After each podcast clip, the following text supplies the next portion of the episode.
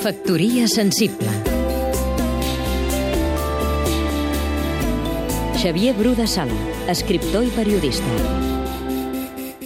La pèrdua de llibreries i altres llocs emblemàtics del comerç cultural preocupa i molt. Què hi podem fer? Se'n van tancant. A part de lamentar-nos, què hi podem fer? Bé, podríem reivindicar l'ajut permanent de les administracions públiques, però no hi ha diners, ni fora una idea gaire benvinguda en aquests temps de crisi. I, a més a més, discriminaria els establiments que no necessiten ajuts perquè no estan de, en situació de tancar.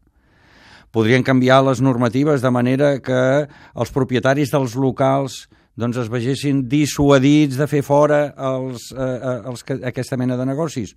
Home, ningú llogaria per un negoci cultural. Per tant, són dues solucions que no podem aplicar.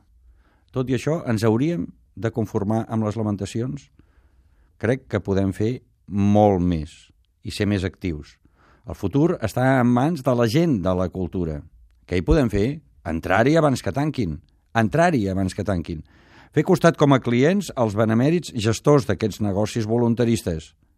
Els que fallem, sobretot, els que provoquem l'arraconament i el tancament dels establiments, som nosaltres, els consumidors. Els abandonem el paisatge urbà se'n ressent i ens traiem un maquillatge darrere el qual hi ha una cara ben poc agradable. El nostre mercat és el món, és clar. Però potser el carrer Canuda, posem per cas, no forma part del món? Factoria sensible